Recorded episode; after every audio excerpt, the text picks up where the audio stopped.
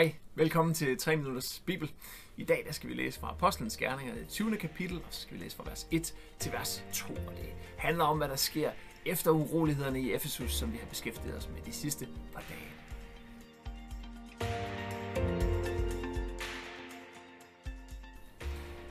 Da uroen havde lagt sig, sendte Paulus bud efter disciplene. Han opmuntrede dem til at holde fast ved troen, tog afsked med dem og tog afsted til Makedonien. I alle de byer, han kom igennem, talte han opmuntrende ord til menigheden. Så Paulus han har altså været i Efesus nu i, øh, i godt og vel to år.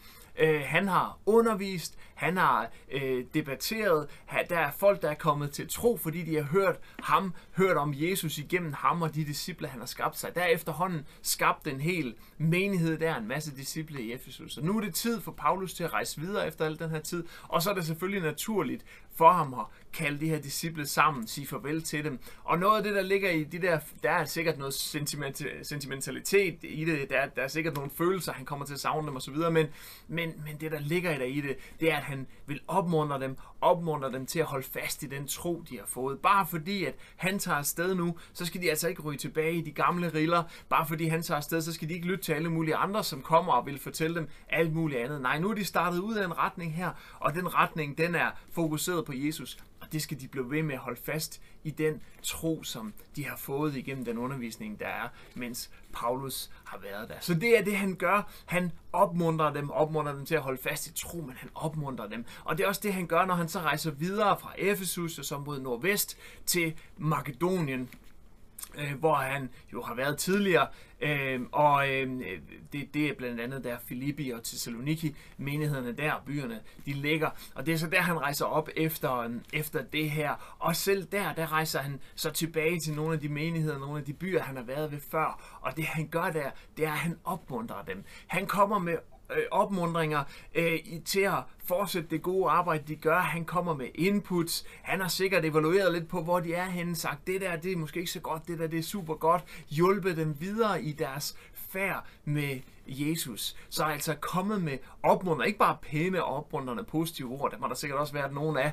Øh, der er sikkert, helt sikkert også, når vi kender Paulus lidt, øh, været formaninger, været ting, der skulle ændres osv. Det er det, der ligger i opmundringerne her. Det er altså opmundringerne til at holde fast i tro, og det er opmundringerne om, hvordan de skal gøre arbejde videre fremad, ligesom han gjorde her, da han kaldte øh, disciplene sammen i Efesus. Og det er et super godt forbillede for os, for det er noget af det, vi skal være som kristne. Vi må være opmuntrende, vi må være opmuntre for mennesker omkring os, og vi må være nogen, der opmuntrer os, de kristne omkring os, hjælper, øh, øh, ikke være negativt kritiske, men, men måske gerne konstruktivt kritiske, hjælpe hinanden med at blive bedre, hjælpe hinanden med at blive bedre til at udføre Guds plan, Guds arbejde, udbrede Guds rige.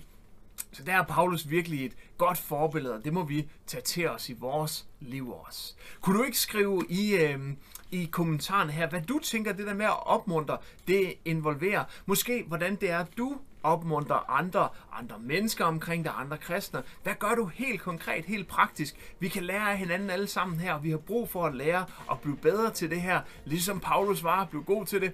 Øhm, så hvordan gør du det? Hvordan ser det ud i dit liv? Hvordan opmuntrer du andre? Del det i kommentarerne her, og lad os endelig snakke lidt om det videre på den der måde. Så vil jeg sige tak, fordi du har set med i dag, og jeg håber, du vil se med igen i morgen. Gud velsign dig. Hej.